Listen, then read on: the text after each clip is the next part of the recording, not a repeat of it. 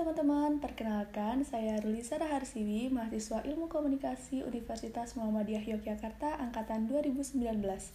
Kita berjumpa lagi di podcast saya, Podka, Podcast Kata Aku. Kali ini kita akan membahas tentang karakter radio dan televisi. Sebelumnya, teman-teman tahu nggak sih gimana sejarah radio itu? Jadi sedikit aku mau cerita ya. Perkembangan radio itu dimulai dari penemuan fonograf atau gramofon yang juga bisa digunakan untuk memainkan rekaman oleh Edison pada tahun 1877. Pada saat yang sama, James Clerk Maxwell dan Helmholtz melakukan eksperimen elektromagnetik untuk mempelajari fenomena yang kemudian dikenal sebagai gelombang radio. Keduanya menemukan bahwa gelombang radio merambat dalam bentuk bulatan. Katanya sih seperti kita menjatuhkan sesuatu pada air yang tenang. Stasiun radio pertama kali muncul ketika seseorang ahli teknik bernama Frank Conrad di Amerika Serikat pada tahun 1920 secara iseng menyiarkan lagu-lagu, mengumumkan hasil pertandingan olahraga, dan menyiarkan instrumen musik yang dimainkan putranya sendiri melalui pemancar radio di garasi rumahnya. Menyusul keberhasilan Frank Conrad, stasiun radio lainnya bermunculan dan mulai menyiarkan program informasi dan hiburan yang diproduksi sendiri. Namun, karena alasan anggaran untuk biaya produksi yang besar, maka kondisi ini menimbulkan gagasan untuk mengadakan sistem jaringan. Perusahaan penyiaran National Broadcasting Company atau NBC adalah yang pertama kali membangun sistem jaringan pada tahun 1926.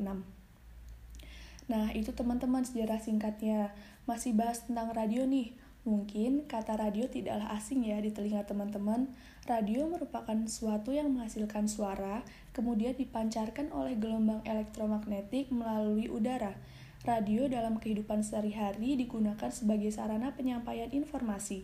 Suara yang didengar dari pesawat radio merupakan perubahan bentuk energi elektromagnetik dari gelombang radio yang ditangkap oleh pesawat radio lalu diubah melalui pengeras suara sehingga mendapatkan hasil bunyi yang bisa kita dengar.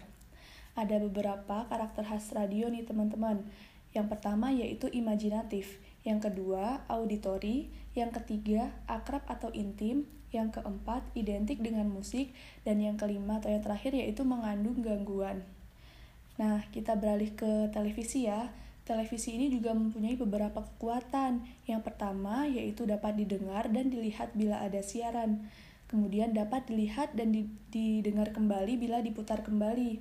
Kemudian ada daya rangsang yang sangat tinggi, elektris, sangat mahal, dan daya jangkaunya yang luas. Selain memiliki kekuatan, media televisi tentunya memiliki juga kelemahan yang tidak kita dapatkan oleh audien, sehingga harus dicari pada media lain.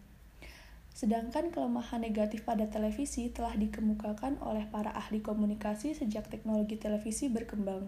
Kenyataannya, ini telah ada kita saksikan di depan mata kita ya teman-teman. Hampir setiap hari berbagai peristiwa terjadi e, tidak sedikit salah satu variabelnya itu penyebabnya adalah dari media televisi. Mungkin sampai di sini dulu ya pembahasan mengenai karakter radio dan televisi. Semoga apa yang saya sampaikan ini bermanfaat. Sampai jumpa di kesempatan berikutnya. Bye bye.